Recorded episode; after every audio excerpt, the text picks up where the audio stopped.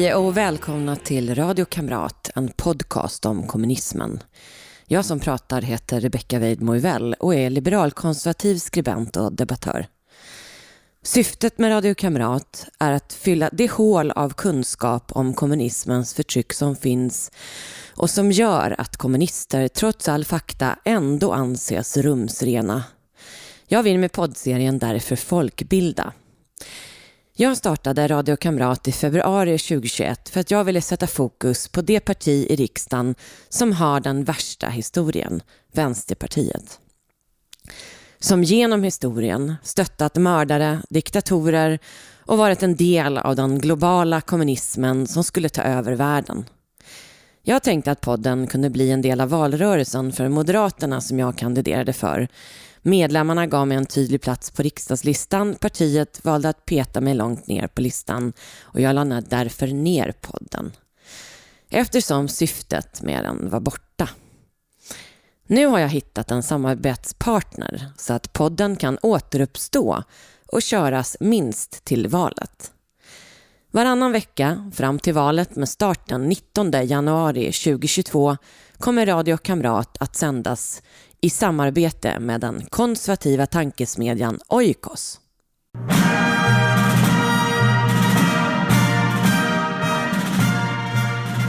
Så välkomna tillbaka kära lyssnare. Dagens avsnitt är ett julklappsavsnitt till alla trogna och nya lyssnare och en relansering. Därför sänds avsnittet dagen före julafton den 23 december 2021. Vill ni som stödjer mitt initiativ om folkbildning om kommunism bidra kan ni swisha till 123 444 5847. Eller så blir ni Patreon på patreon.com och sök efter Rebecca Weidmo så hittar ni mig där. Sponsra med 10 kronor per månad och uppåt.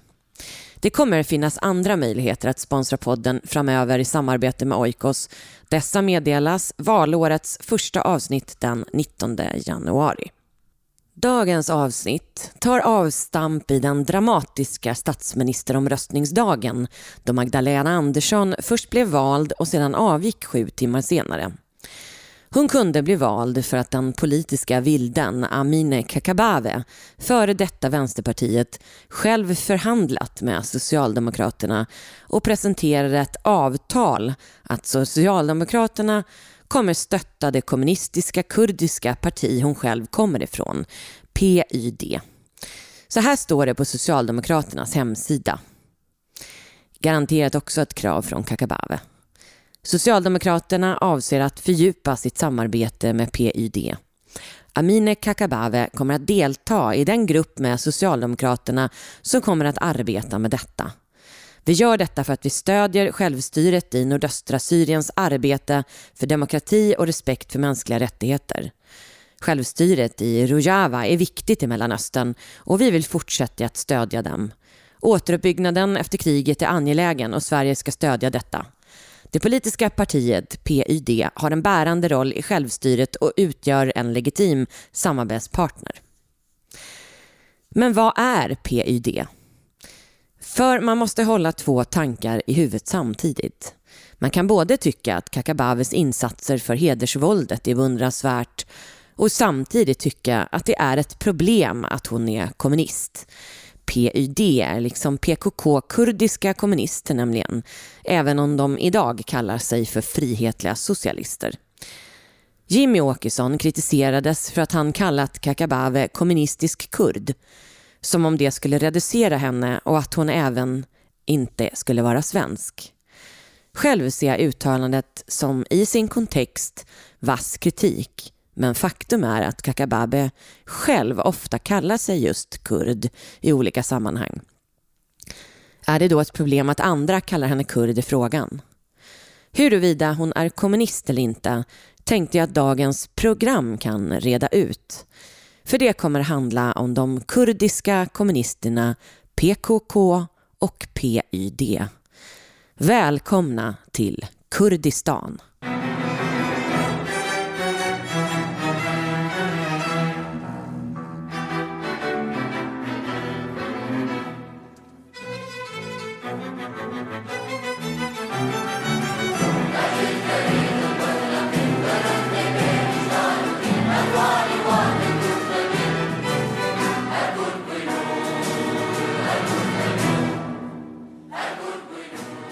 Kurdistan betyder kurdernas land och området består av områden i norra Irak, sydöstra Turkiet, nordvästra Iran, nordöstra Syrien och sydvästra Armenien.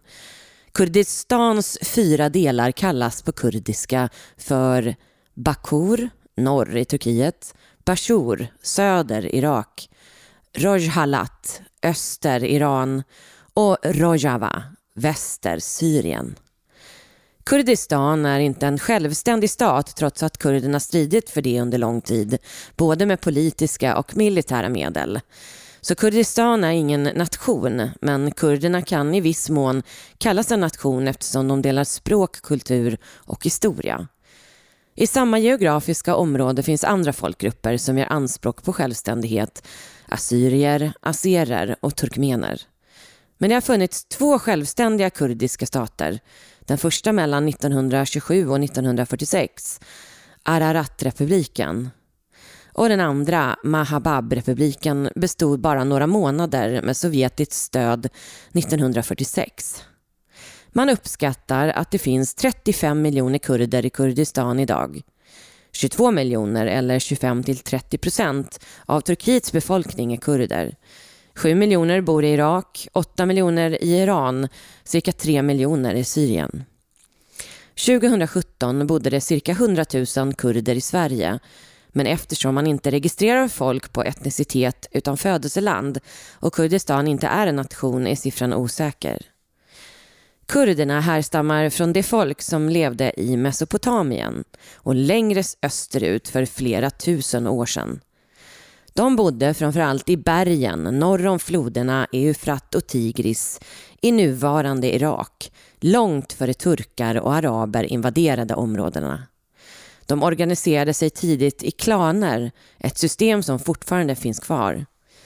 I Turkiet har kurderna kämpat för självständighet sedan 1920-talet efter det Osmanska rikets fall. Konflikten mellan kurder och turkar har lett till att miljoner kurder har fördrivits från sina hem och över 2000 kurdiska byar har förstörts i Turkiet.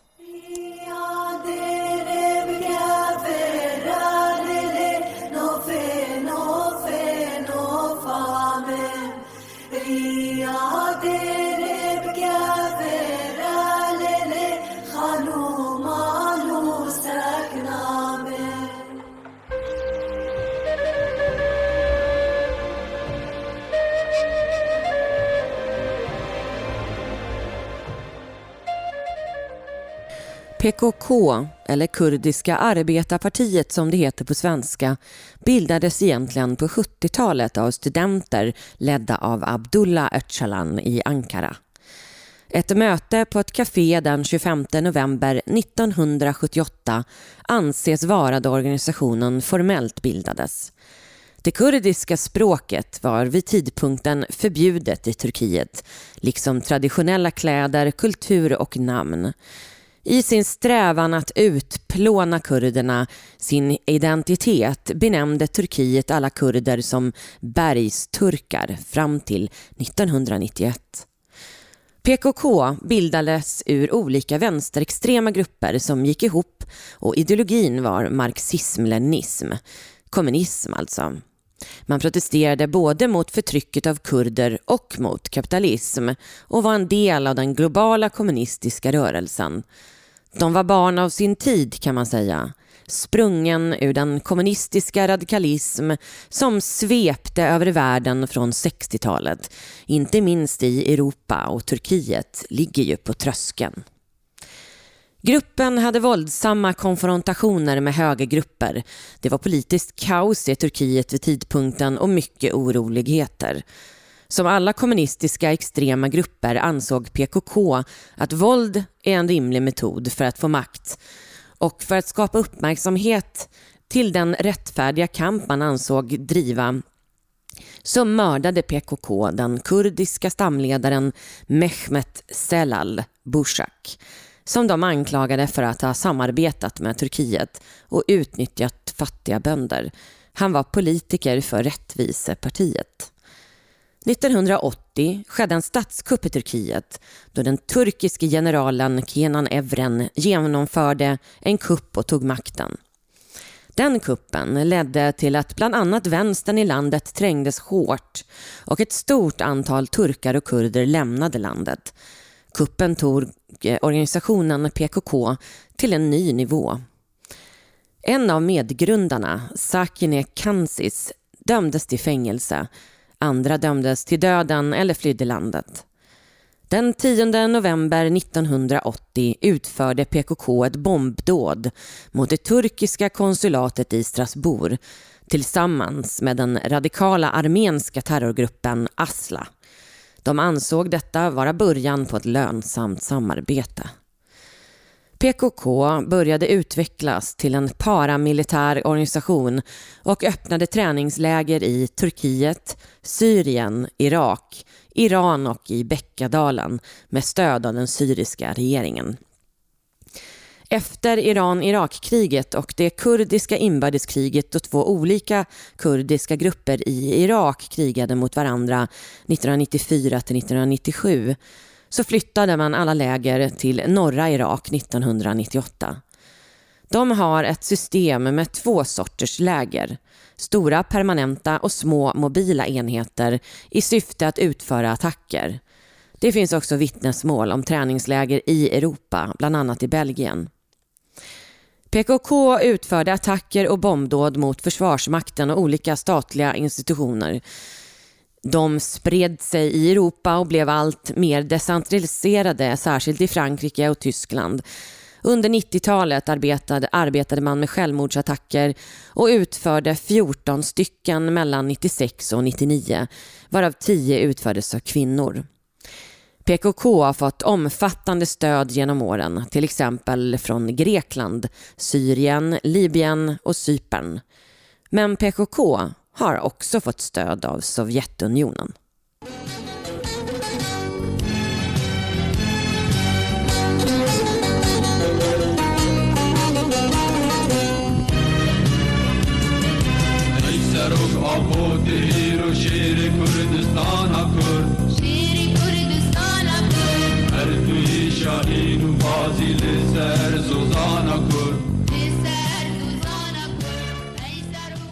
Abdullah Öcalan föddes i slutet på 40-talet.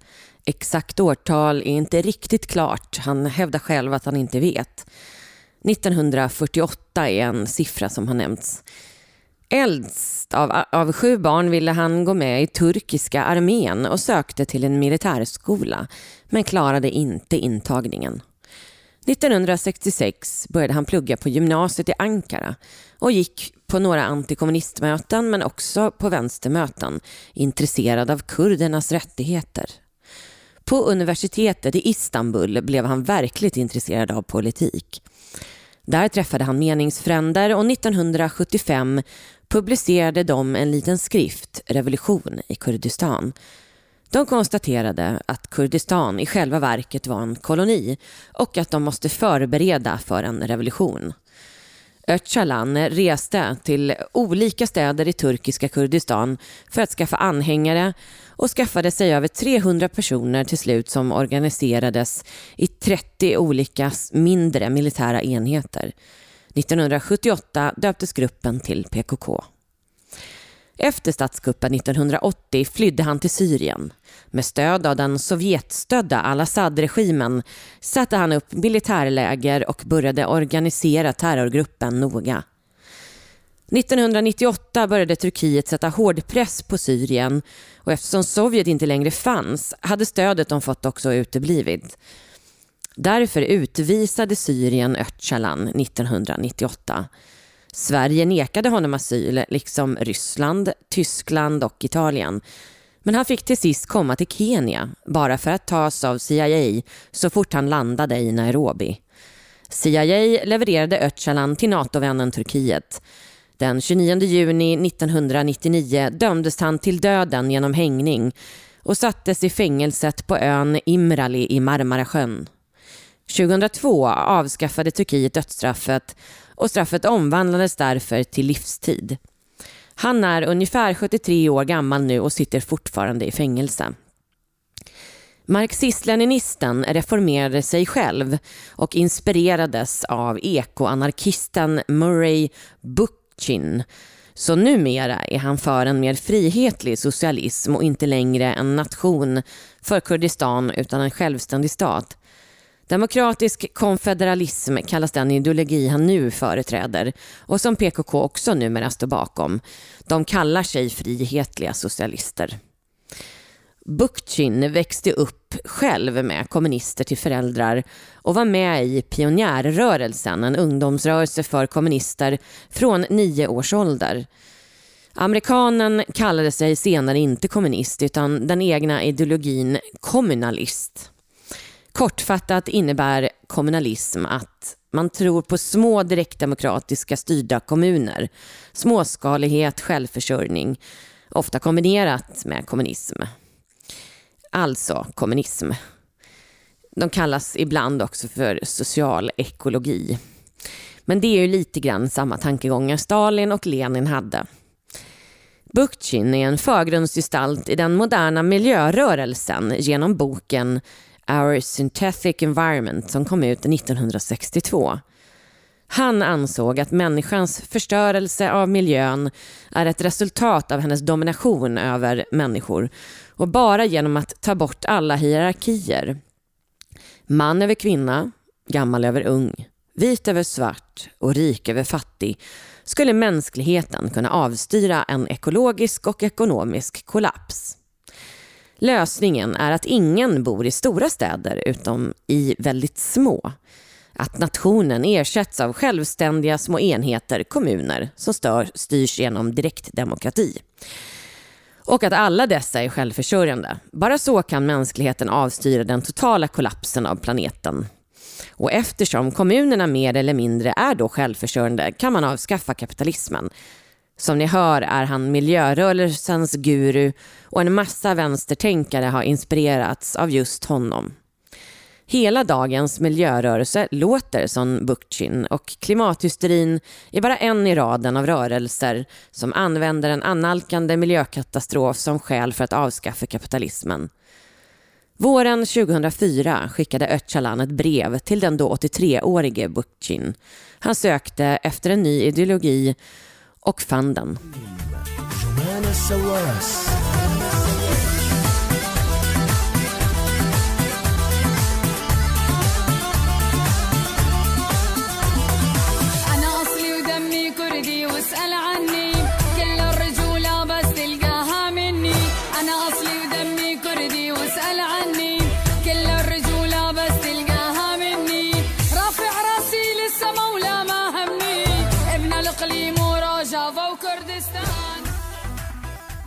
Efter att PKK grundades i slutet av 70-talet etablerade sig de bland annat i Syrien som då styrdes av Hafez al-Assad, pappa till nuvarande ledare Bashar al-Assad, som i sin tur stöttades av Sovjet. Och Sovjet har en tradition av att stötta kommunistiska terrorgrupper. De hjälpte Öcalan och PKK att bygga upp en organisation eh, tills en stridsmaskin mot Turkiet med start 1984. För Sovjetunionen hade sedan andra världskriget ett horn i sidan till Turkiet. Även innan faktiskt. Men under andra världskriget så envisades de med att vara neutrala under kriget. Och när Sovjet krävde att få färdas genom Turkiets vattenvägar mellan Svarta havet och Egeiska havet via Bosporen och de sa nej skapade spänningar med Turkiet. Stalin försökte redan på 30-talet att kräva kontroll av rutten och det var då de frostiga stämningarna egentligen inleddes. Efter andra världskriget ökade Sovjet sin militära närvaro i Svarta havet och hotade Turkiet. Det fanns risk för invasion och via Truman-doktrinen accepterade Turkiet USAs hjälp 1947. 1952 gick Turkiet med i NATO. Så under kalla kriget var Turkiet en viktig bastion för NATO.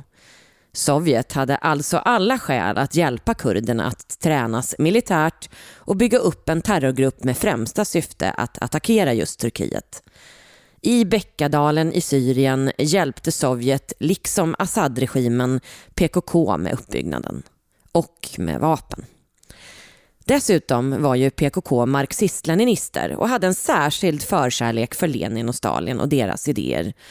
Öcalan tolkade och spred deras lära bland anhängarna och indoktrinerade alla nya medlemmar med vikten av klasskriget, revolutionen och arbetarnas paradis Sovjetunionen. Den västerländska imperialismen skulle omkullkastas med våld samtidigt som den kurdiska staten upprättades och sedan skulle styras som ett marxist-leninistiskt paradis. PKK byggde upp eh, nära relationer med ayatollah Khomeini i Iran och Saddam Hussein i Irak parallellt. Enligt den före detta KGB-officeren Alexander Litvinenko tränades Abdullah Öcalan av KGB, numera FSB. Fortfarande är Ryssland en av få stater som inte terrorklassat PKK. Litvinenko mördades av FSB i, i London genom det radioaktiva giftet polonium 2006.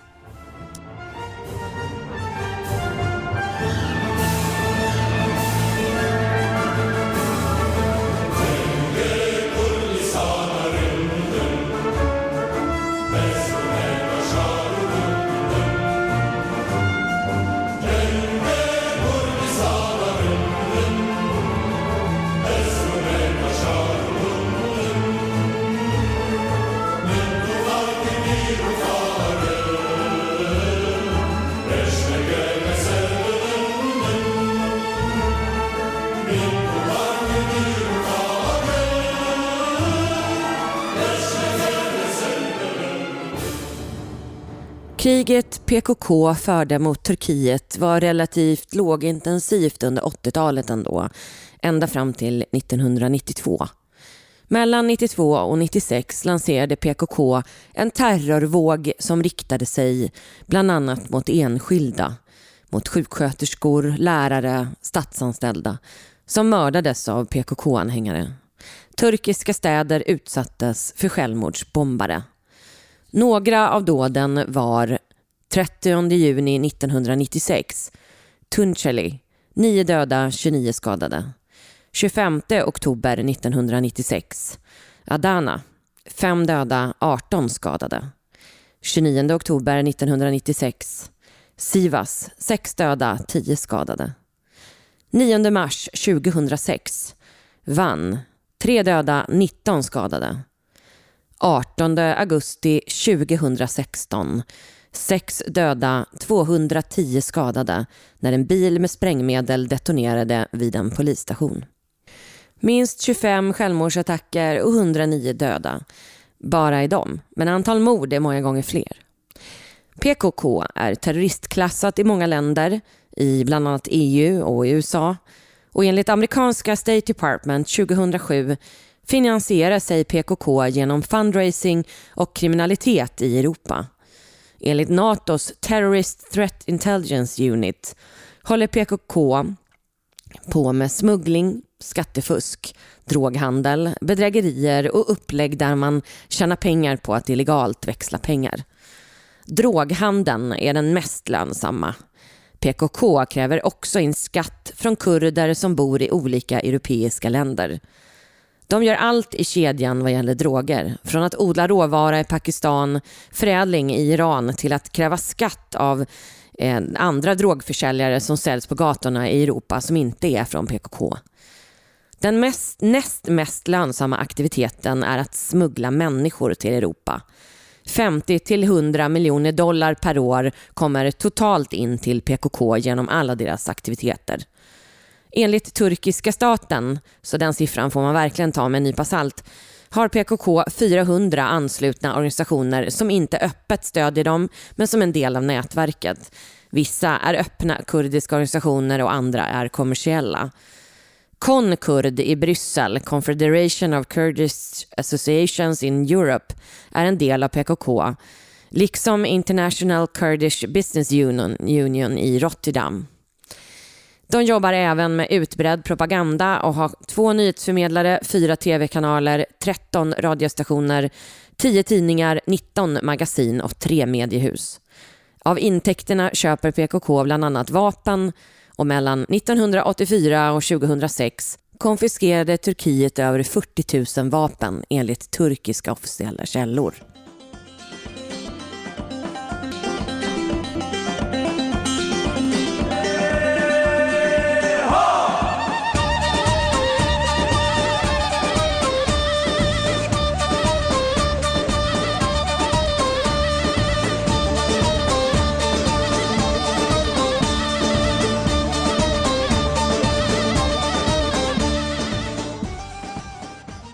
Palme och PKK-spåret har alla hört talas om. Inte minst är det aktuellt nu när det finns en Netflix-serie om Skandiamannen och en bok om Skandiamannen och Palmemordet diskuteras mer än på mycket länge. Det här var innan sossarna började älska kurder. Kenan Evrens militärkupp 1980 tvingade många vänsterturkar och kurder att fly och en del begav sig till Sverige. Bland dessa politiska flyktingar som fick asyl då fanns medlemmar och sympatisörer till PKK.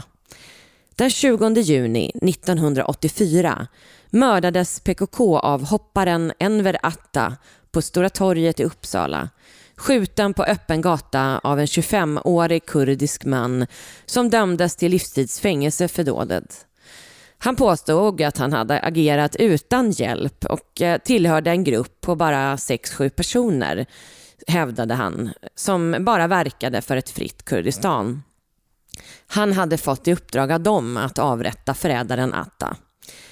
Säpo däremot hävdade att Atta avrättats på en order av PKKs centralkommitté i Syrien. De ansåg också att han haft stöd vid mordet av en grupp kurder boende i Sverige PKK-medlemmar som slussats in i landet i syfte att upprätta en PKK-bas här. Säpo la fram en utredning där åtta personer misstänktes för medhjälp men vägrade avslöja sina källor för länsåklagaren som inte hade något val än att lägga ner förundersökningen mot dessa då bevisningen inte räckte, tyckte han. Då gick Säpo till regeringen och bad dem utvisa de åtta kurderna efter terrorstämpling den 21 november 1984 beslutade regeringen att kurderna skulle utvisas. Fast ändå inte, för den 14 december beslutade samma regering att de inte kunde utvisas till Turkiet utan allvarlig förföljelse, så de fick stanna. Men beläggas med kommunarrest. Den 2 november 1985 mördades ännu en PKK-avhoppare, Setin Güngör. Han hade tidigare varit med i PKKs centralkommitté och han hade fått asyl i Frankrike men Säpo fixade asyl i Sverige och skyddade identitet med tillgång till flera lägenheter. Men vid en fest på Medborgarhuset i Stockholm sköts han till döds i huvudet. Mördaren överfölls direkt av rasande vänner till offret och han räddade sig själv från lynchning genom att kastas ut från ett fönster. Där greps han av polisen och dömdes sedermera till livstidsfängelse. Även här hade Säpo bevis på medhjälpare. Mördaren hade i sin ficka en nyckel till en lägenhet som tillhörde en 27-årig kriminellt belastad kurd som utpekats som länk mellan PKK och en 42-årig släkting som dömts för heroinlangning.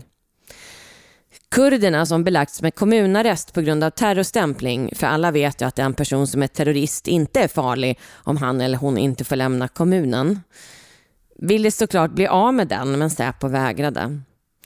1987 sköts Olof Palme på öppen gata och då återuppväckte Hans Holmer PKK-spåret.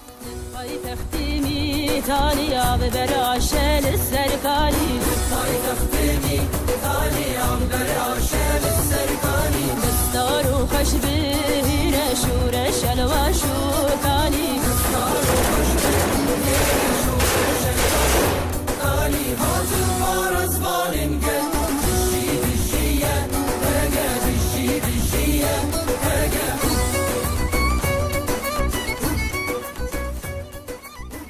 Amine Kakabaveh heter den före detta vänsterpartisten och numera vilden i riksdagen sedan 2018. På statsministeromröstningen den 24 november 2021 när Magdalena Andersson föreslogs första gången höll hon ett tal där hon meddelade att hon efter förhandlingar med Socialdemokraterna skulle rösta på Andersson eftersom de lovat att stödja YPG. Avtalet publicerades samma dag på Socialdemokraternas hemsida undertecknat av partisekreterare Tobias Baudin. När jag förra veckan gjorde research inför det här avsnittet råkade jag av en slump se nyheten från 13 december att Ann Linde nu levererat priset på Kakabaves röst. 376 miljoner dollar i gåva från svenska skattebetalare till IPG. Tidigare anslag var beviljat på 210 miljoner dollar men Kakabaves pris var alltså en och en halv miljard till i stöd. Vad är då YPG som Kakabave fixat ytterligare en och en halv miljard till och som säkert har ett finger med i spelet om de första två miljarderna? YPG är den väpnade grenen av PYD, YPG står för Folkets försvarsenheter och strider mot IS i Syrien bland annat. PYD står för Demokratiska unionspartiet och grundades 2003 som den syriska grenen av PKK. Sedan 2013 är PYD en av huvudaktörerna i Rojava i Syrien, en del av Kurdistan, den västra delen. För alla vet att demokratiska socialister alltid behöver en väpnad gren. Vad de här 3,5 miljarderna till YPG kommer gå till vet bara de, men vi kan väl gissa att en del av pengarna kommer just gå till vapen. Amineh Kakabaveh föddes i östra Kurdistan i Iran och kom till Sverige 1991. Hon har själv varit persmerga, det här är inte som det kanske kan verka en enhetlig armé utan flera. Kurderna i Syrien har en egen, liksom irakiska kurderna. 2016 kom rapporter att persmerga begått krigsbrott.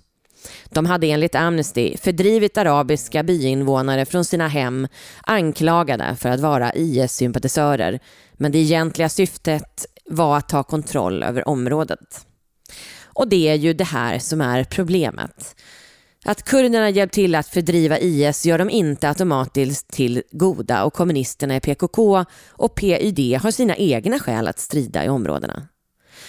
2016 utropade PYD kurdiskt självstyre i Syrien och döpte det till Rojava, döpt efter de kurdiska orden för västra Kurdistan. Där bor araber och kurder, yazidier och assyrier idag Självstyret växte fram från 2012 i krigets vakuum när Bashar al-Assad fokuserade främst på strategiskt viktiga platser som Damaskus och Aleppo och som dessutom fungerar ett kurdiskt styre nära den turkiska gränsen som en känga till Turkiet som stödde den väpnade oppositionen i Syrien. Och det är alltså till detta nya Kurdistan, självstyrande området Rojava, som Kakabaveh bland annat förhandlat stödet till genom en massiv donation från svenska skattebetalare direkt till PUD som styr i regionen. PKK klassas som terrororganisation av USA och EU Samtidigt bedriver Turkiet omfattande påverkan för att peka ut alla motståndare till det islamiska styret i Turkiet som just PKK-sympatisörer. Det är alltså väldigt lätt att gå deras ärenden när man pratar om PKK, som ju är verkliga terrorister, medan kritiker till islamisterna och AKP och Erdogan är just kritiker till islamister. Vänsterpartiet, som vi redan vet älskar olika andra kommunistiska terrorgrupper, har länge krävt att PKK inte ska terrorklassas.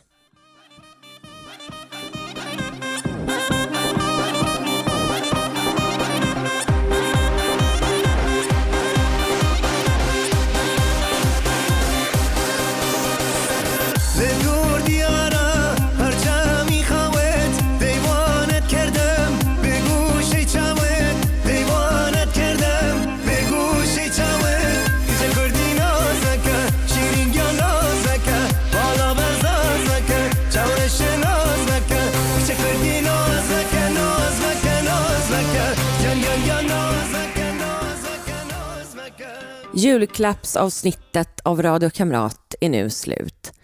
Podden produceras nu i samarbete med den konservativa tankesmedjan Oikos och kommer att släppas varannan onsdag fram till valet i september åtminstone. Den 19 januari drar vi igång på allvar. Jag önskar alla lyssnare en riktigt god jul och ett gott nytt år. Så ses vi 2022 igen. På återseende!